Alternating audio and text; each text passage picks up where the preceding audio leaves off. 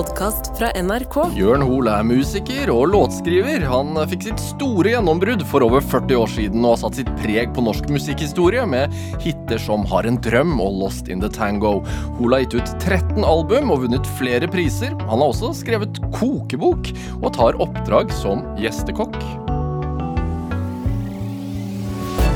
Dette er Drivkraft med Vegard Larsen i NRK P2. Jørn Hoel, velkommen hit til Drivkraft. Tusen takk. Hvordan har du det? Jeg har det ganske ok. eh, eh, Jeg må si at jeg er liksom spent på dette programmet, for at eh, hver gang jeg reiser hjem etter en spillejobb, så bruker jeg å høre på Drivkraft. Jeg, jeg sier ikke for å selge meg inn nå, men det er faktisk helt sant. Så det er litt sånn spesielt for meg å være her nå. Det er veldig hyggelig å ha deg her. I kveld kan du høre på deg selv, da. Ja, det kan jeg, men jeg har ikke noen spillejobb i kveld. Nei? Å, da blir det da blir det ikke. Du må sette deg litt lenger fra mikrofonen, eller dytte den litt lenger fram. Du har så Hva faen? Ja, jeg sa du kan ha på deg hodetelefoner, sa jeg eh, da vi gikk inn her. Sånne, For da hører man sin egen stemme, og det sa du. Det skal jeg i hvert fall ikke. Jeg vil Nei. ikke høre min egen stemme. Nei, Første gang da jeg var liten og broren min tok, eh, gjorde opptak av meg, så fikk jeg sjokk, for jeg visste ikke at jeg hadde, ha- at jeg hadde hes stemme. Visste ikke. Nei, du hører jo ikke din egen stemme, du bare snakker, så jeg fikk sjokk. Ja.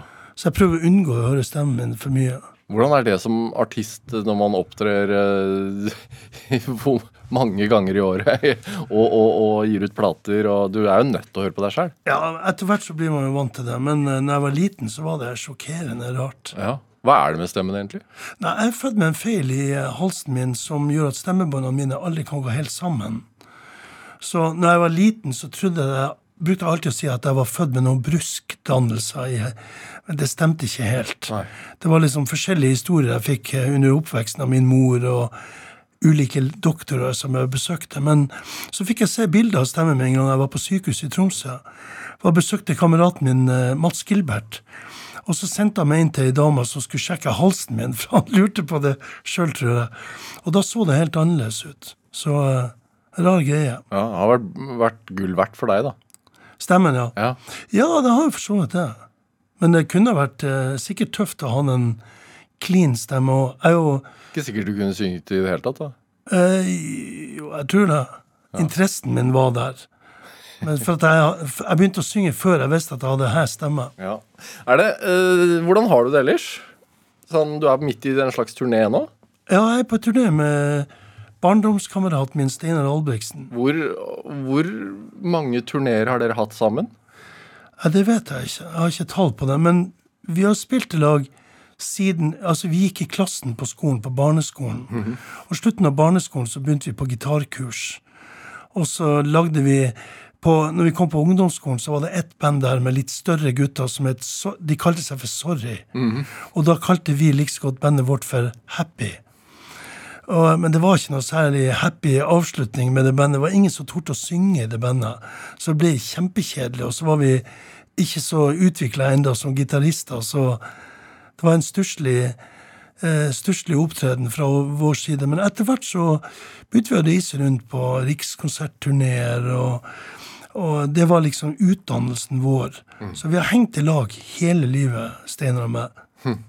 Det anbefales da å finne en felles innbringende hobby som gjør at man kan bruke mye tid sammen. Ja, det er jo, eh, Du nevnte i begynnelsen at jeg var interessert i mat, og det er jo også på en måte en hobby som har blitt til litt mer. Men jeg, jeg kjenner veldig mange veldig gode kokker. Og eh, jeg har sett kjøkken Hvordan har du blitt gå. kjent med gode kokker? Nei, det er jo fordi at jeg har reist rundt og spilt konserter og vært veldig opptatt av mat. Det var litt sånn at eh, Tilbake til Albrigtsen. Vi satt på en eh, restaurant i Svolvær for veldig, veldig mange år siden. Og så så vi at det svømte fisk ute rett fra kaikanten, og så sa vi til servitøren vi tar gjerne litt sånn fersk fisk. Nei, det har vi ikke. Vi har ei biff, snadder. Og det var litt sånn første gang jeg begynte å tenke shit. Det, det, og, og før i den tida, slutten av 70-tallet, tidlig 80-tallet, så var det ikke så mange gode restauranter i Norge. Man må være ærlig og si det. Og veldig mange kunne ikke engang steike biff. Så da begynte jeg å lage min egen mat. Og På- det var begynnelsen til interessen. På turneen? Både på turné og hjemme. Kanskje aller mest hjemme, da.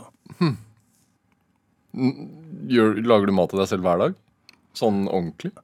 Eh, Ja, til en viss grad. Altså, jeg, eh, jeg prøver, Hvis jeg er hjemme og har fri, så prøver jeg å ha ett måltid som er ordentlig bra.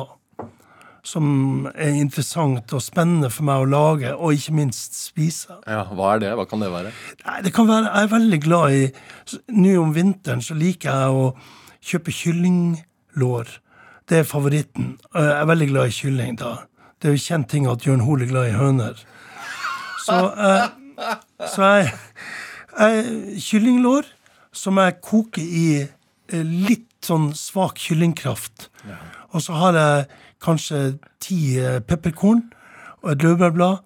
Og så koker jeg det i nesten en time. Og da får jeg buljongen jeg kan drikke, som er veldig fin for kroppen. Og så tar jeg etterpå og steiker det kyllinglåret i litt smør. Og har salt og pepper på. Så enkelt og så godt. Veldig Holy shit, det er så godt. Dette med at Jørn Hoel er glad i høner Er det du, eh, En ting jeg glemte å si i denne introduksjonen av deg, er jo at du i 88 ble kåra til Norges mest sexy mann. Ok? Ja, du ble jo det. Ja, jeg trodde det var i fjor. Ja, er det. Men er det Hva Er du stolt av det fremdeles? Nei, jeg har aldri vært stolt av det. Jeg bruker å gjøre narr av meg sjøl at jeg er Norges mest sexy mann. Men eh, nei, det, det, høres jo litt ut som en floskel å snakke høyt om det at når det skjedde den gangen, så, eh, så følte jeg at karrieren min stoppa opp. Det ødela litt for min, mitt personlige uttrykk og min personlige drivkraft som jeg hadde inntil da. Eh, jeg reiste rundt og spilte både med Albrigtsen og uten Albrigtsen, og hadde det kjempebra. Um, vant nye publikummere hver dag og hver gang. Og det var veldig mye gutter og hørte på konsertene mine, for de syntes jeg hadde veldig tøff stemme. Ja, fordi Den gang så var du var, Hvem var du inspirert av? Nei, vi var veldig inspirert av Crosby, Stills, Nash and Young og, og uh, Little Feet. Det var liksom uh, hovedbandet mitt. Ja, Klassiske band som, som menn liker. Ja, Ja. veldig mye sånn R&B, gammeldags R&B, altså rhythm and blues. Ja. Og, og det var veldig ofte sånn at jeg måtte Folk lurte på at jeg juksa noe med stemmen hvis jeg sang sånn type trommesoloer med stemmen. Eh, Det heter kanskje voice eh, box nå, eller noe sånt. Men i gamle dager så var det ikke så mange som gjorde det. Det kom jo fra jazzmusikk, og jeg brukte å gjøre det. Og da brukte folk alltid å be meg opp. De trodde ikke at de, de trodde det var et opptak. Så måtte jeg gå tilbake på scenen og vise at jeg gjorde det. Hva, hva er det for noe? Jeg skjønner ikke. Nei, jeg altså Sånne der type ting. Og, og um, da eh, Når jeg fikk den tittelen og al- Altså, jeg lagde jo ei plate som hadde Elsk meg sakte, Elsk i sneen, og alle disse romantiske Og det var jo egentlig, hvis du tenker deg om Elsk meg sakte, rock me baby, make love to me with a slow hand. Det var egentlig bare en videreføring av det jeg hadde sunget i alle år på engelsk, som kommer fra bluesmusikk. Eh, Men jeg gjorde det på en norsk måte og litt mer sånn tilgjengelig for publikum. Det var en utfordring for meg å gjøre det. Og jeg jobba sammen med Oddvar Nygaard, som var en tekstforfatter, og vi dykka inn i dette bildet. Men jeg hadde ikke tenkt over at det kunne bli kommersielt. Det var bare en utfordring, og så ble det jo det. Og så kom denne tittelen, da. Og det, det var eh, veldig sårende. Det var veldig sårende å komme på en eh, Jeg husker enda jeg spilte i Grimstad, på en utescene, og så sier konferansieren 'Mine damer og herrer, Norges mest sexy mann'. Og så husker han nesten ikke hva jeg heter. Ikke sant? Og så skjønner du, Bjørn Holm eller et eller annet sånt. Og, og da, da husker jeg jeg kjente at dette er ikke kult. Dette er ikke bra. Forandret det publikum òg? Ja, det gjorde det. Etter hvert så gjorde det det. Ja. Det kom jo veldig mye jenter som kasta sånne bamser opp på scenen til meg, og, og eh, Jeg vet ikke. Kanskje jeg, Bamser? Ja, du vet sånne små sånne leke... Hva heter det? Sånne figurer. Ja. Sånn som du vinner på tivoli og litt sånt. Jeg vet ikke, men eh, Hva trodde de det skulle føre til, da? ja, gudene vet. Bamse? Veldig snilt gjort. Dattera mi var jo superfornøyd. for Jeg kom hjem med en hel kasse full av sånne leketing. ikke sant? Men Så det ble en kamp etterpå for å rebrande deg selv? Vel, jeg, etter hvert etter det, Jeg gjorde et album etter det albumet også, så eh, Kanskje det var et utspring, men jeg reiste til Austin, Texas sammen med Oddvar Nygaard for å skrive låter mm. til et nytt album. Og eh, det, det var ei eh, jeg er jo veldig utadvendt, så det var veldig artig å være i Austin, Texas. Sånn ingen kjente meg. og Siste kvelden så, eh, så møtte vi et kobbel med damer. Vi sto og spilte biljard. Og alle disse damene var gift med en jagerpilot som akkurat da var på øvelse i Norge. Og de hørte at jeg var fra Norge, så jeg var liksom top case akkurat da. Ja. Så vi endte opp på rommet mitt. Jeg hadde et svært rom på hotellet, nachspiel og drakk Tequila, eller Mescal, som det heter, med ormen i. Og jeg skulle spille gitar for disse damene. Uh, og når de gikk, så var det bare et par-tre timer til flyet skulle gå. Så jeg tenkte jeg skulle ta meg et bad. Og det var et helt nytt hotell på Six Street i Austin. Eh, eh, jeg gikk og tappa vann i badekaret, og så kom jeg på at sjefen i plateselskapet hadde ringt meg fra Oslo og ville gjerne snakke med meg. Så jeg, mens jeg tappa vann, så gikk jeg og la meg i senga for å ringe til han. Og så sovna jeg av. Og så det neste som skjer, jeg hører sånn to stykker, det er åtte hender på døra. Bam, bam, bam, bam, bam. Wilma, open this door. Og så hoppa jeg ut av senga, og så sa det plask. og så ringer jeg ned til kompisen min som bodde seks etasjer under, og jeg hørte når han tok telefonen og hoppa ut av senga, så sa det plask hos han òg. Så jeg hadde vannlagt et helt hotell bare med at jeg skulle bade. Og klarte å snakke meg ut av uh, situasjonen når jeg sjekka ut, og oppdaga seinere jeg var blitt helt ædru igjen, at det var jeg som hadde forårsaka alt. Jeg trodde jo at det var hotellet sin feil. Så det der var kanskje en reaksjon på imaget mitt om at jeg måtte bli litt mer rock'n'roll. Ja, måtte trashe et hotellrom. Etter dette så, så, begynte jeg å bli, gå tilbake til bluesnormalen. Altså, jeg blir meg sjøl igjen. Dette er Drivkraft med Vegard Larsen i NRK P2. Og i dag er uh, musiker og låtskriver Jørn Hoel her hos meg i Drivkraft på NRK P2. Dette med mat Jeg veit jo at du lager mat for uh, publikum.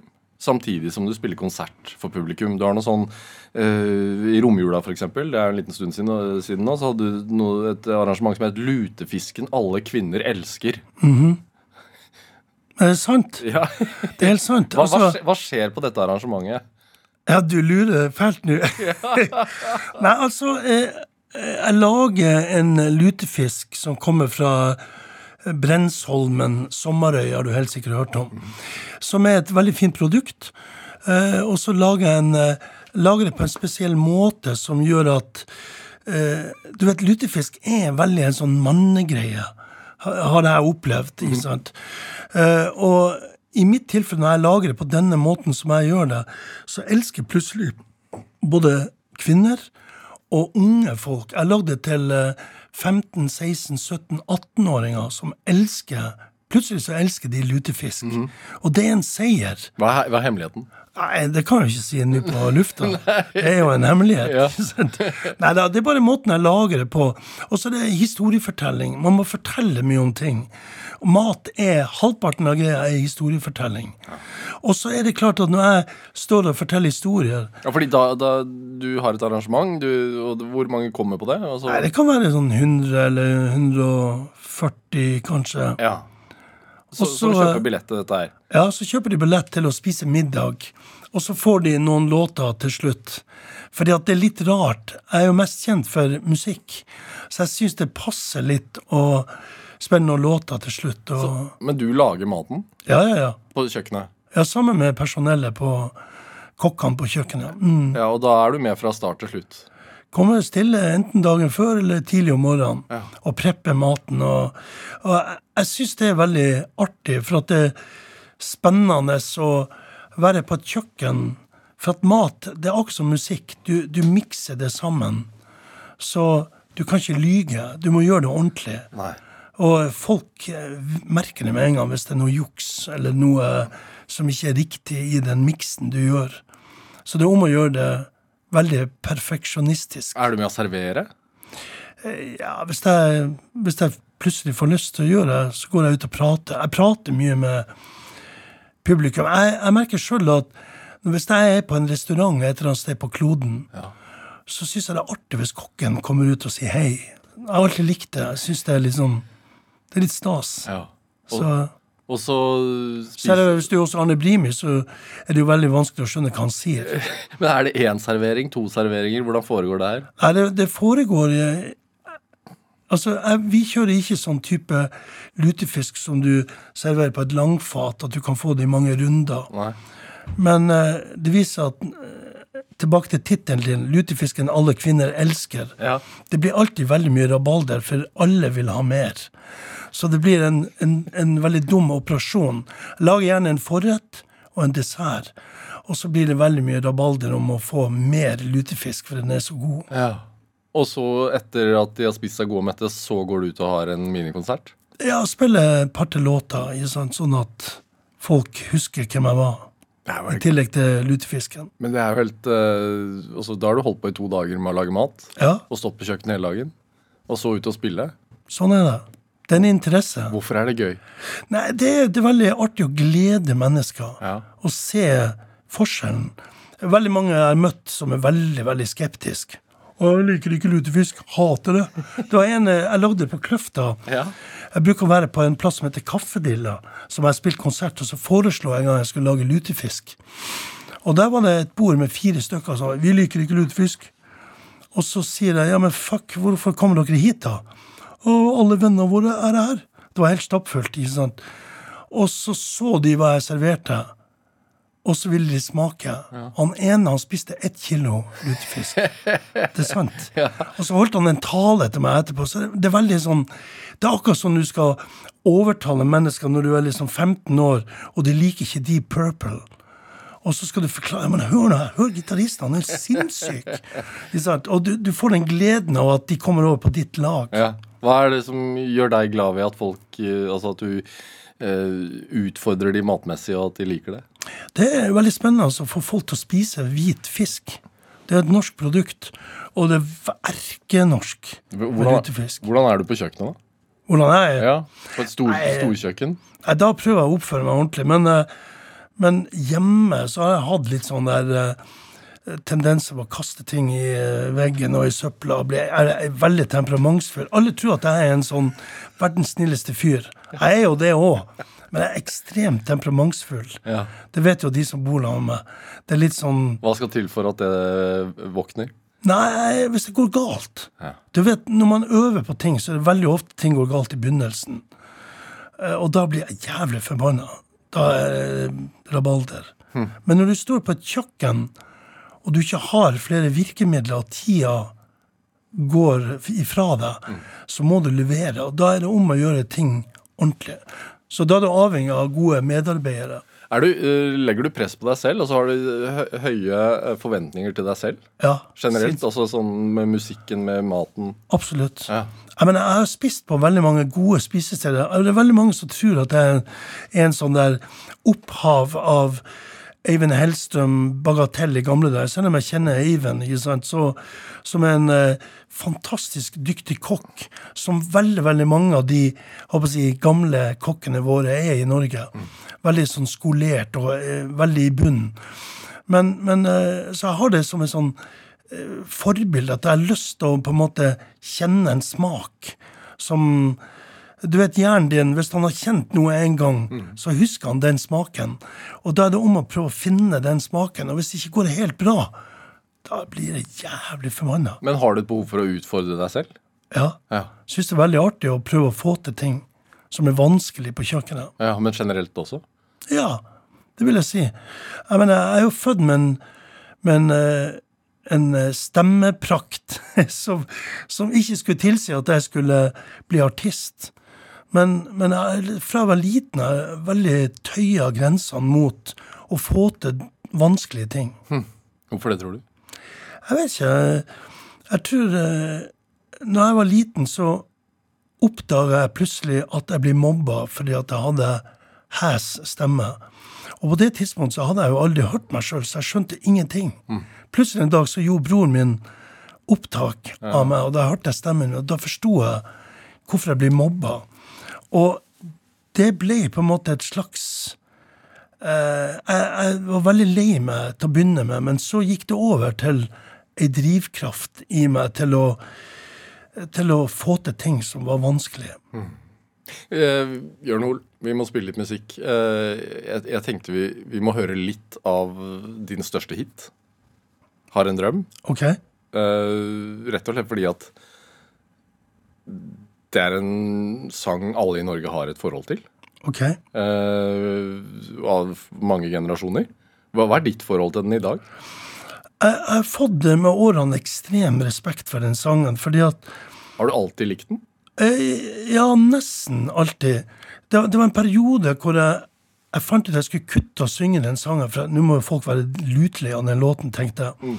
Spilte jeg på Rockefeller, og så sang jeg ikke den og et par av de andre sånne typer sanger som ligner på det. er han og Holly og et par andre. Og etter konserten fikk jeg hundkjeft. Det sto 100 damer ved siden av scenen og skulle inn der og snakke med meg hvorfor i pokker ikke jeg spilte akkurat den låten. Og, da, og når jeg seinere en gang opplevde Springsteen på en konsert alene med gitar, hvor han ikke spilte noen av hitene, da forsto jeg at det er en liten sorg å gå på en konsert og ikke få det du gikk der før Så det Du hører litt.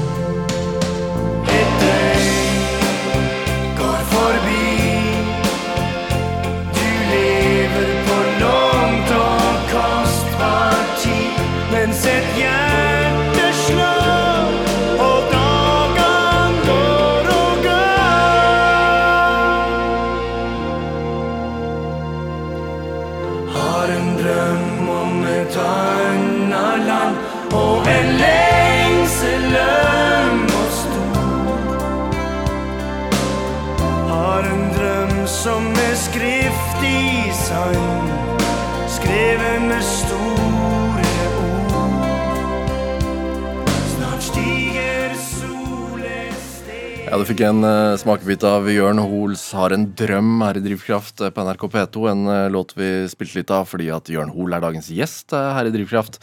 Uh, Tittellåten til 'Drømmeslottet'. Hva, Ja. hva med Vennerøds eh, filmklassiker? Ja.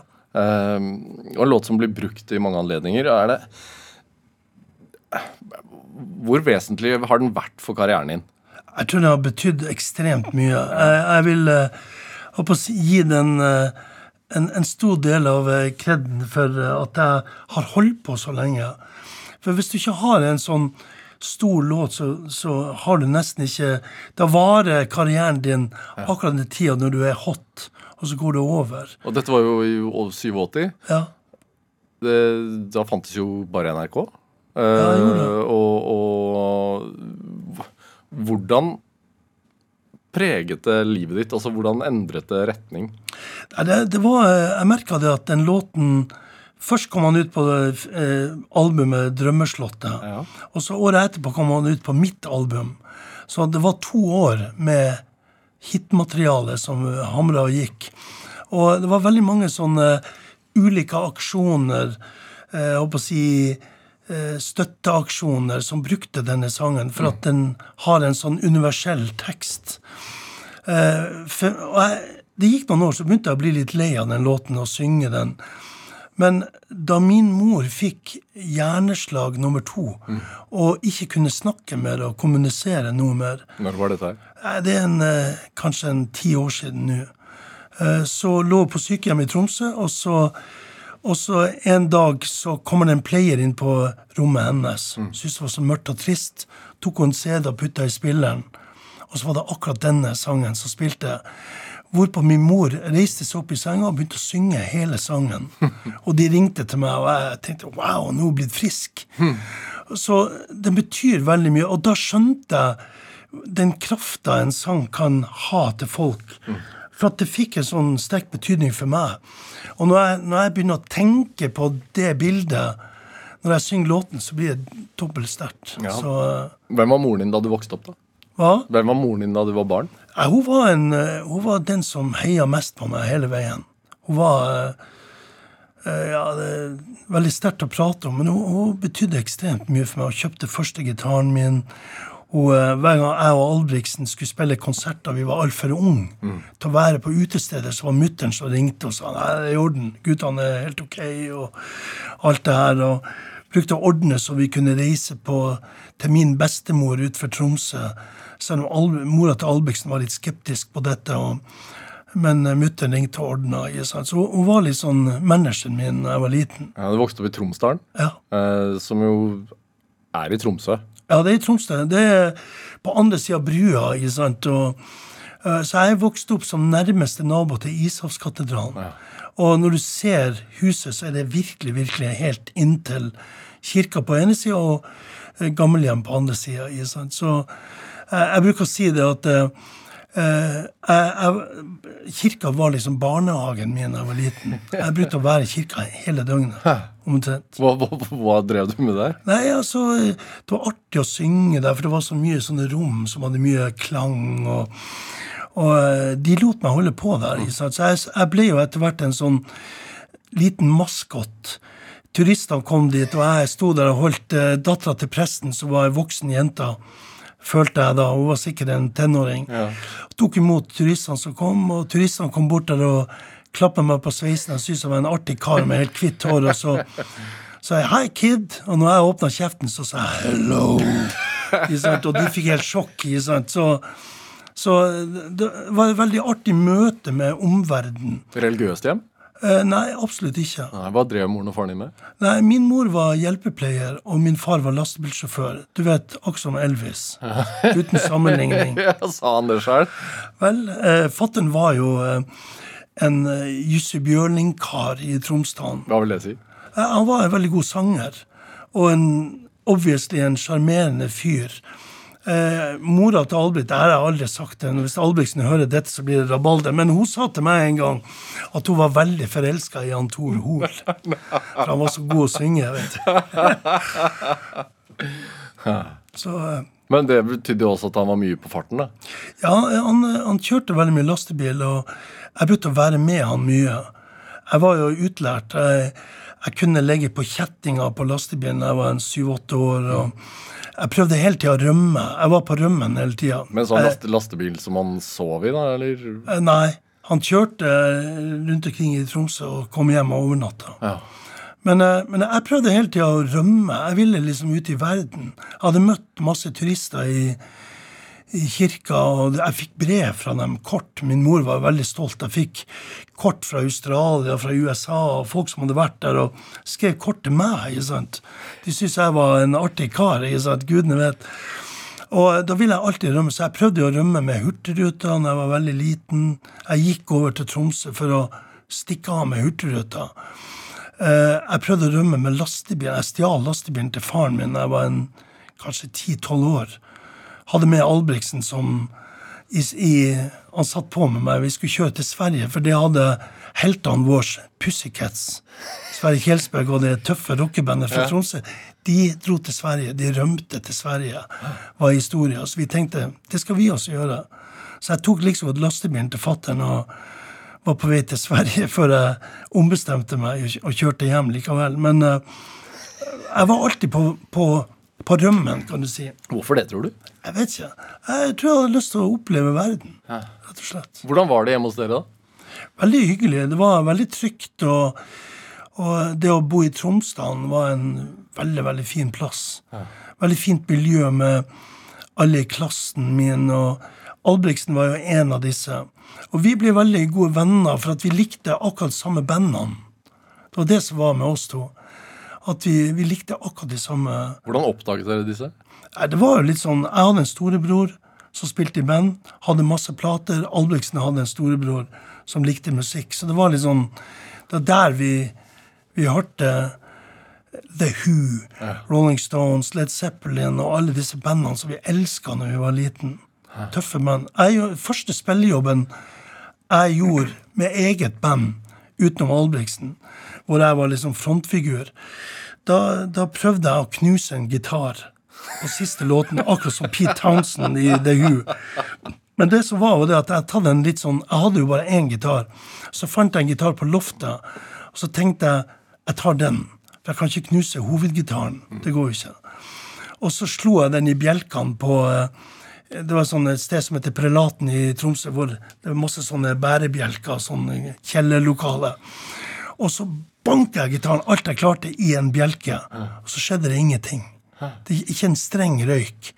Så jeg ble jo, jeg ble jo helt gal for å få knust den gitaren. Så det ble ikke helt sånn som forbildet hadde gjort det, men morsomt. Hvor fikk du gitar fra? da? Jeg fant den på loftet hjemme i Tromsdalen, som sikkert var en eller annen gitar som en eller annen hadde glemt fra i den tida faren min brukte å synge. og ja. Det var jo også, Jeg veit at du malte uh, en del? Malte bilder. Ja, jeg, det var litt sånn når det var dårlig vær i Tromsdalen, så brukte mor mi å sette oss Vi var fire søsken. Ja. Satte oss rundt et bord. Hvor er du i flokken? Jeg er nest yngst. Så satt vi alle rundt bordet og tegna sammen med mor, mor vår. Så, og vi tegna hverandre. Så vi, vi, Det var liksom begynnelsen til at Jeg merka at jeg hadde litt drag på det. Mm. Og så seinere så begynte jeg gikk jeg på biblioteket og fant bøker om teknikker.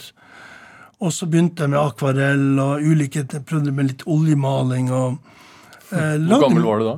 Jeg var sånn 15-16-17-18 år i den tida der. Ja.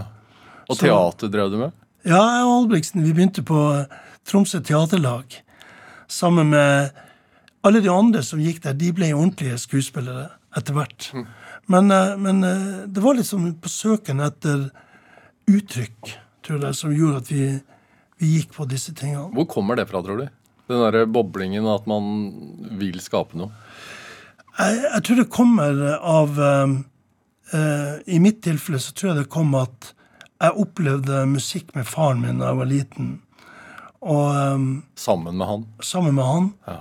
Hørte på han. Jeg begynte, når de hadde fest hjemme hos oss, så var det mye sånne Jeg bodde jo veldig nært brua i Tromsdalen, og under brua så kom alle båtene med selfangst inn. Og mange av de skipperne begynte å komme opp til oss, for fatter'n var veldig god å synge. Og så ble det fester med trekkspill og og jeg skulle prøve å ligge og sove oppe, så jeg lurte meg ned for å høre på dette. Hvordan er en selfangerfest med trekkspill uh, Mye alkohol og mye ja. rabalder og mye stemning. Ja. Men veldig sånn Jeg vet ikke. Jeg opplevde det som veldig trygt og veldig spennende. Og jeg hørte mye rytmer som disse fangstfolkene hadde sikkert plukka med seg fra utlandet. Så kanskje det er Mange har tenkt på at det er det som har gitt meg denne latinointeressen. At jeg opplevde ulike beginn og salsa og sånne ting. Jeg hørte det i veldig tidlig alder. Ja, det er jo, Og mye av det musikalske uttrykket ditt er jo uh, innenfor den sjangeren der. Og, likevel er det nok mange som tenker på, når man tenker på din musikk, så tenker man på sånn Har en drøm og, og, Ja. og Elsker sneen og, og Ja. den type musikk. Men, men du har jo vilt og har jo spilt en helt annen sjanger eh, for det meste. Ja, jeg har vært veldig sånn eh, Akkurat det med den plata med de sangene 'Elsker sneen' og det vi snakka om i begynnelsen med de, disse romantiske tekstene, det var på en måte ei, ei utfordring jeg fikk av produsenten som jeg valgte på den plata. Han heter Billy Cross. Han var gitaristen til Bob Dylan på 70-tallet. Han, jeg, jeg kom med masse sånn bluesrelaterte låter til København og skulle spille inn. Så sier han hvorfor synger du ikke om noe du, du, du snakker så varmt om hvor du kommer fra. Mm. midnattssol, nordlys, den uh, ishavsstilen, ikke sant. Eh, og så begynte vi å tenke oss om. Jeg Jeg blanda inn kameraten min Oddvar Nygaard i, i dette, og vi leita etter uttrykk som har med meg å gjøre. Jo, det er veldig mye blues. Veldig mye Rock Me Baby, Make Love To Me With A Slow Hand, osv., osv. Og så putta vi det i annen form. Men opphavet mitt er jo på en måte det jeg nevnte nå, med mye sånn trekkspillrelatert musikk. Sånn litt sånn folkelig, litt sånn som vi ofte forbinder med Finland, på en måte. Litt sånn kvensk. Og, og det er blanda med populærmusikk. Og populærmusikk for meg, Led Zeppelin, det er blues. Og alle disse bandene som vi digger. Så, så seinere, når jeg slutta å være Norges mest sexy mann, som vi snakka om tidligere, så, så gikk jeg tilbake til å finne meg sjøl. Og det å være noe som var mye mer ukommersielt. Jeg Syns du skal spille en låt som heter 'Love Will Make You Do Things That You Know Is Wrong', som, som har gått litt under radaren, men som virkelig er verdt å høre på? Ja, jeg, jeg, Det er en av de låtene som jeg er veldig fornøyd med. Jeg lagde den låten på et hotellrom i New York kvelden før. Er det i- forhold til den badehistorien? Hæ? Det var ikke da, det var ikke Nei, da nei, du, du var ikke, det, det var var i ikke det. var, Det var en annen historie i New York, men uh, det kan vi ta i neste program. Men, men uh, uh, jeg lagde den låten for jeg syntes det var så teit å komme i studio med masse legender. Disse musikerne jeg skulle spille denne bluesplata med, var jo musikere til Billie Holiday, til Lena Horne, til Sonny Rollins, altså legender. Og så hadde jeg ikke skrevet én låt til, så jeg satte meg ned og lagde to låter. Og eh, Oddvar Nygaard satt hjemme i Tromsø og lagde denne teksten til meg, som er 'Love will make you do things that you know is wrong'.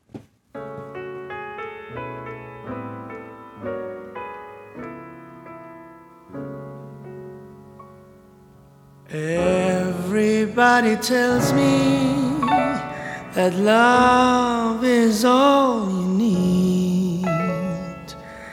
That love will put an end to jealousy and greed. Well, here's an old and sad, sad song. Love will make you do things that you know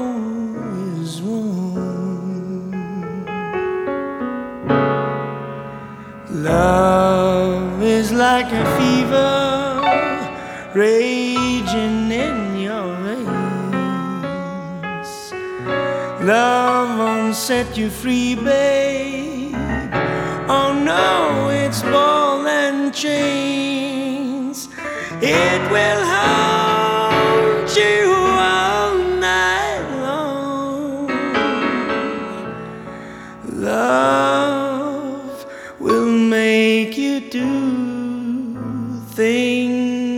that you know is wrong.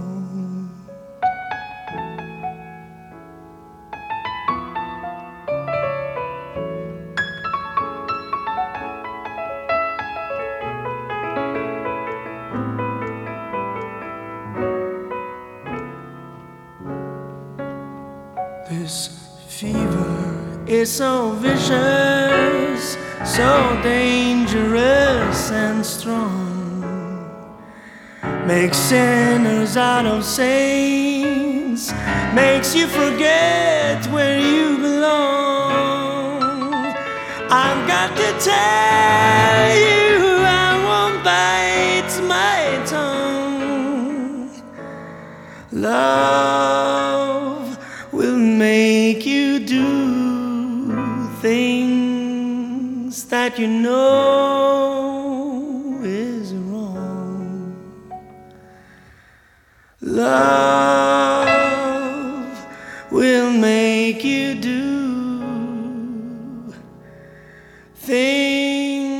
You know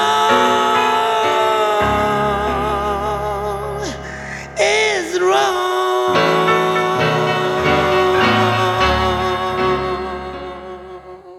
Ja, du fikk uh, Jørn Hoel og Mike Renzi som uh, sang 'Low Will Make You Do Things That You Know Is Wrong' her i uh, Drivkraft på NRK P2. En låt vi spiller i dag fordi at artist Jørn Hoel er dagens gjest. Det med å ha en forventning om eh, hvem man eh, vil Altså noen har en forventning til hvem de vil du skal være, og det at man har et ønske om hva man selv vil, vil være. Hvordan er det? Eh, Veldig Det er veldig vanskelig, sånn tilbake til akkurat når jeg fikk den tittelen som vi snakka om tidligere i programmet, å å bli på en måte kalt for Norges mest sexy mann, som ikke stemmer i mitt uttrykk. Mm. Det var, det var Det høres jo Alle kompisene mine ler av det når jeg sier at det ødela for meg, men, men det var ikke det uttrykket jeg var ute etter. Jeg hadde lyst til å drive på med litt sånn som du hørte nå, den sangen der, og, og bli respektert for noe som jeg følte var viktig for meg. Men, men eh, det er klart, Har en drøm er veldig viktig for meg. Det var veldig artig å lage de kjærlighetssangene, for det var en veldig stor utfordring. Det var veldig vanskelig å få til det å synge om fysisk kjærlighet på norsk. Jeg vet ikke om det var noen som hadde gjort det før eh, de platene kom ut. Så det var, det en artig utfordring. Men så hadde jeg lyst til å gå tilbake til å være meg sjøl igjen og prøve å ta tak i det som, som var meg. Og da var dette begynnelsen. Den, den plata vi nettopp hørte, jeg hadde jo ikke avklart den innspillinga med plateselskapet mitt. Jeg bare gjorde det. Og dessverre så møtte jeg en fyr på hotellet i New York som jobba i VG. Og jeg visste ikke han var journalist, så jeg sa ja, jeg har spilt inn bluesplater. Og så ble det litt sånn eh, forklaring rundt det. Så, eh, men eh, jeg tror at, eh, at det, å si, det, det er veldig vanskelig å på en måte være en sånn type som, som eh, folk de, de, de, de tenker det og det om deg. og så, Jeg har hørt tusen ganger gjennom livet faen, du er helt annerledes enn jeg trodde, sier de til meg når de har fått prata litt med meg.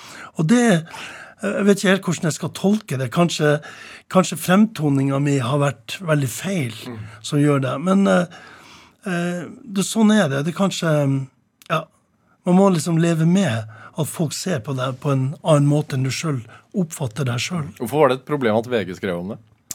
Nei, det var jo fordi at plateselskapet ville at jeg skulle skrive sånne kjærlighetssanger. Så det ble veldig mye rabalder. Så plata her det ble gitt ut i bare Det var et sånn eh, kompromiss hvor plata ble gitt ut i 3000 X. Så når den kom ut, så lå folk i sovepose ofte på mange steder for å få kjøpe den plata, for at de, det var 3000 X. Jeg har jo eh, jeg har jobbet eh, her på huset, altså på Marienlyst, i, ja, 14 gode år nå. Jeg har sett deg innom her eh, ofte eh, på NRK. En periode var du i Nitimen og lagde mat, og du er jo stadig vekk i programmer. Og, og det som slår meg, er at, og, og lenge før jeg inviterte deg i dette programmet også, at du alltid når du møter folk, så tar du deg tid. Du prater, og du er hyggelig mot uh, hvem det skal være.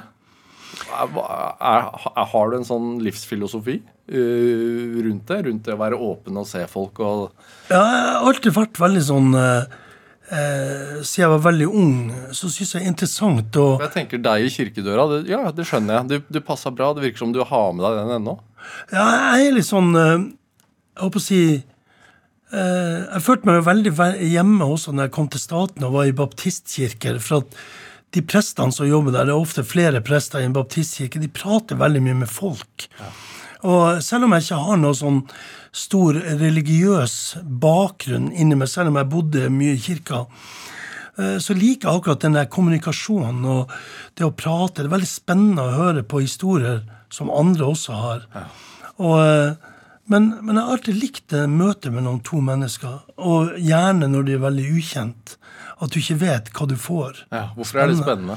Nei, Det er jo akkurat som å lese i bok. du, du kan lese i bok, eller du kan se en film, og, og jeg syns det er veldig spennende, for alle har noe spennende ved seg. Det er det som eh, Altså, eneste som er slitsomt nå for tida, er det at de siste 20 årene så blir det en sånn der Det blir en sånn eh, fyr på bålet at folk skal holde så mye taler i sammenheng. I sosiale sammenheng. Og alle har gått på et eller annet sånn talekurs. Og alle er jævlig bra. Hvis du har lagt merke til det. før i tida så var det liksom «Øh, øh, Jeg er jo ikke noe taler. Og så, og så kommer det noe som ikke er så kult. Men i dag så er alle har gått på det samme kurset. Alle blitt steingode og forteller historier. Så det er litt sånn Det er mer romantisk da å møte et menneske off guard. Altså litt sånn én til én. Altså får du en samtale med, med noen. Eh, Sist jeg var oppe i Honningsvåg, akkurat det jeg skulle gå og legge meg, så møter jeg en fyr i døra. Han var, eh, viser at han var den mest kjente fiskeren der oppe. Han hadde sett meg på TV at jeg lagde mat. Han lurte på om jeg ville bli med han hjem og snakke om ordentlig god fisk, hvordan det lages. Jeg satt hjemme hos han til fem om morgenen, og vi drakk konjakk og prata. Jeg liker ikke konjakk engang, men jeg drakk det for at han ville at jeg skulle gjøre det. sant? Og vi satt og snakka om hvordan han kunne se på fisken mens han svømte rundt, om han var god nok eller ikke. Jævlig artige historier å få med seg. sant? Viktig. Og det, det er sånne ting du ikke kan Du kan ikke lære om det i bok. Hvordan bevare en sånn livsappetitt? Jeg tror du må være litt sånn kåt på livet. At du må lete litt inni deg. Istedenfor å bare springe på biblioteket og oppsøke bøker eller se dokumentarer, så kan du prøve å finne det i nærmiljøet hos mennesker. De fleste har et eller annet artig å komme med. Den perioden du holdt på i næringslivet, for du gjør jo det nå også, med sånne modulhus og Du har investert i noen eh, sånne selskaper som importerer mat, og Hvilken side av deg er det? Nei, det, det er jo igjen eh, håper å si, søken eh, Enkelte mennesker kan sette seg ned med kryssord og sudoku Ja, du- og liksom Ikke du? Til en viss grad så har jeg gjort det. Jeg hadde sånn der absolutt sudoku. Da det kom, så ble jeg helt hekta på det. Men, men jeg tør ikke å begynne å spille golf. Det er enkle ting som jeg styrer unna. Fra, Du vet du blir fanga? Jeg vet jeg blir helt det. I gamle dager, når spilleautomater kom Albrigtsen sitter jo enda hjemme. Han sitter sikkert nå og spiller hjemme nå, akkurat nå. På nettet, liksom? Ja, han er helt hekta på det. Jeg gikk rett ut av den butikken med en gang, for jeg skjønte at det der går ikke. Jeg blir så dratt inn i det. Men, men eh, Så jeg har jobba med veldig mye ulike ting. Jeg jobba med sikkerhetssystemer til båter. Jeg mener, jeg reiste rundt med en fyr, og vi liksom presenterte det til ulike fiskerederier og ulike båtrederier i Norge. Fordi du tenkte på det som en god businessidé, eller fordi noen ringer deg, og så, så har du ikke hjerte til å si nei? Eh, Ja, litt det fordi at noen jeg kjenner, vil at jeg For de syns jeg, jeg hadde en artig idé i måten å fortelle det på, den historien. Eh, og så har jeg jobba med brannsikring, med fasader til bygninger. Altså litt sånn ulike ting. Men det er jo Når du ikke, når du ikke kan noe om det så jeg mener, Kan du noe om brannsikring? Nei. Nei, nettopp. ikke sant? Jeg gjorde ikke heller det. Men jeg var tvungen til å lære det. Og det er superspennende. Sikkerhetssystemet til, øh, til båter. Hvem kan noe om det?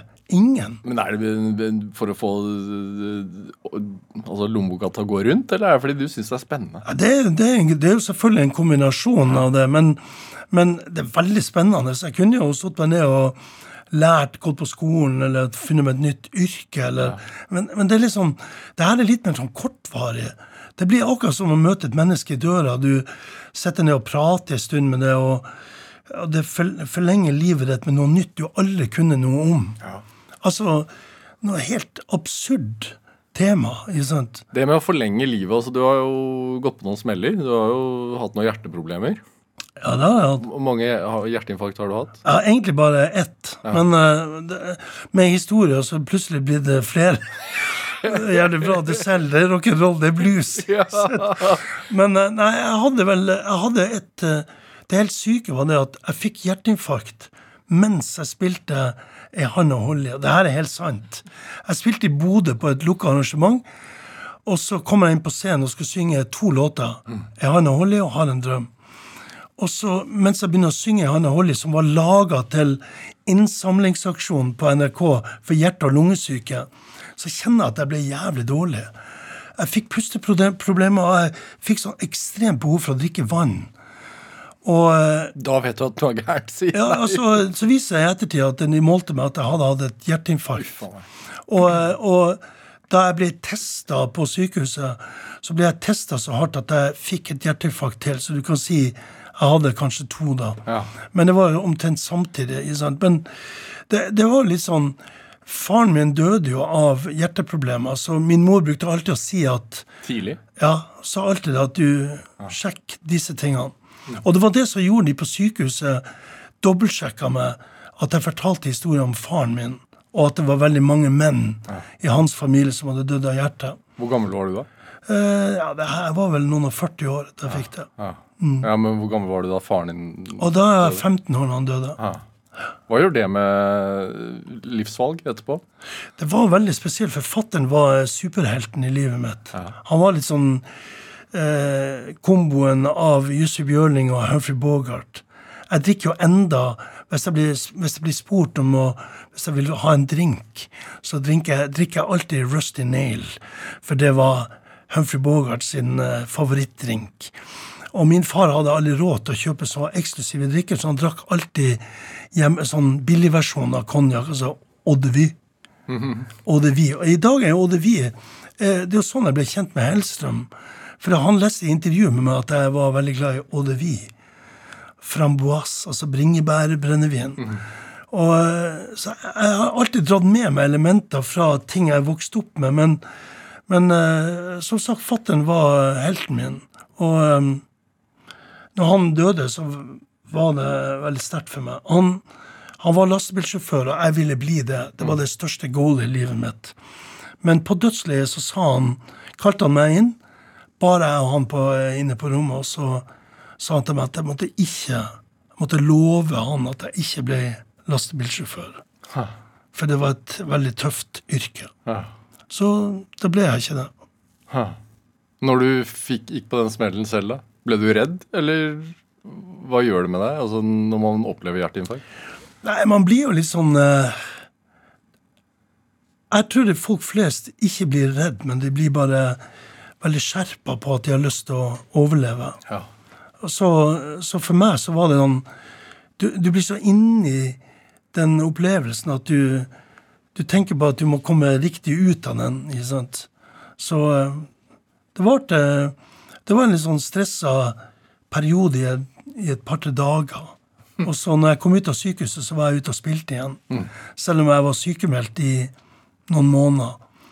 Men i, i min bransje så er det liksom Du, du avlø, avlyser ikke konserter før du virkelig, virkelig må. Men i forhold til retningen, da? Også, Helsemessig. ja, også, eller sånn eh, Og, og også kreat, altså, At man Kjører man på som før, eller? Mm. Nei, det var en periode da hvor jeg jeg, jeg, følte meg, Etter hjerteinfarkt så følte jeg meg akkurat som jeg hadde han Husker du Ivo Caprino når han skulle ned til verdens ende for å hente vann? Ja. Altså veldig lett. Jeg følte meg veldig lett. Jeg gikk tur. Jeg følte at shit, nå går det altfor fort. Og liksom alt gikk så fort. Men så etter en stund når du blir normalisert igjen, så blir faller du tilbake til alle de samme fellene. og Kanskje drikke litt for mye vin og spise litt for usunn mat. Jeg var jo med i 16 Weeks of Hell. Ja. Jeg vet ikke om du ser på meg nå at nå er jeg blitt meg sjøl igjen. Mener, For det er ikke noe sånn Jeg har aldri vært sånn Jeg har aldri, alltid drømt om å om at jeg, jeg skal gjøre det og det og det, men det må skje veldig fort. Ja. Hva drømmer du om nå, da? Nei, jeg drømmer om å bli sunnere og bli slankere og se ut som Robert Redford tidlig på 70-tallet. Jeg Gudene vet. Men eh, nei, nei, jeg drømmer bare egentlig om å ha det fint og Ja. Reise rundt med Albrigtsen og spille konserter og vinne nye hjerter og folk som har lyst til å høre på deg. Det er jo det vi lever for. Ja, hva er det det som gjør altså, Hva gjør livet bra for Jørn Hoel? Nei, det, livet gjør det bra når eh, jeg blir veldig lykkelig av å spille med Albrigtsen og sånn som vi gjør det nå, og føle at folk blir godt humør av å høre oss. For vi er, vi er ekstremt samspilt. Vi er liksom en eggskjærer, eller egg... Hva heter det på her nede på Østlandet? Egg... eh, Egg, eggdeler. Eggdeler, ja. Ja. Så vi, vi er liksom to paralleller. Vi er veldig samspilt. Og det, det samspillet vi har, er jo vanskelig å, å få. Du kan ikke kjøpe det for penger. Du må liksom bruke et helt Investere i et større prosjekt for å få det til. Jørn Hoel, en time går fort. Hva er drivkraften din? Det er akkurat det jeg nevnte nå. Ja, Å få til ting som overrasker deg sjøl. Det er min drivkraft. ja hver dag. Hver eneste dag. Jeg er veldig nådeløs. Jeg står på hver eneste dag. Hvis du spør de som kjenner meg, så lurer de på hva jeg går på. Og jeg går på min egen drivkraft. Lader mine egne batterier. Hver dag er en ny mulighet. Det er det. Veldig artig. Ja, Så flott. Jørn Hoel, tusen tusen takk for at du kom til Drivkraft, og lykke til med resten av turneen sammen med Albrigtsen. Tusen takk. Hør eh, flere samtaler i Drivkraft på nrk.no eller i appen NRK Radio. Der kan du også logge deg inn og følge oss, så får du alle de siste Drivkraft-episodene rett inn i appen din. Send oss eh, ris eller ros og også tips til mennesker som du mener har drivkraft. Send en e-posten til drivkraft.krøllalfa.nrk.no. Vi hører veldig gjerne fra deg. Produsent og researcher i dag, det var Ådne Feiring. Dette var Drivkraft. Jeg heter Vega Larsen. Vi høres. Du har hørt en podkast fra NRK. Hør alle episodene kun i appen NRK Radio. Podkast fra NRK. Hei, Andreas Wahl her, fysiker og TV-fjes. Hva skjer om månen forsvinner? Hei, jeg er marinbiolog Emilie Hernes Vereide. Hvordan påvirker støy fra oss mennesker liv i havet? Hei, jeg heter Bjørn Mansverk og er mentaltrener. Visste du at hjernen ikke har forandra seg særlig på 200 000 år? Men det har samfunnet. Burde vært pensum hører du i appen NRK Radio.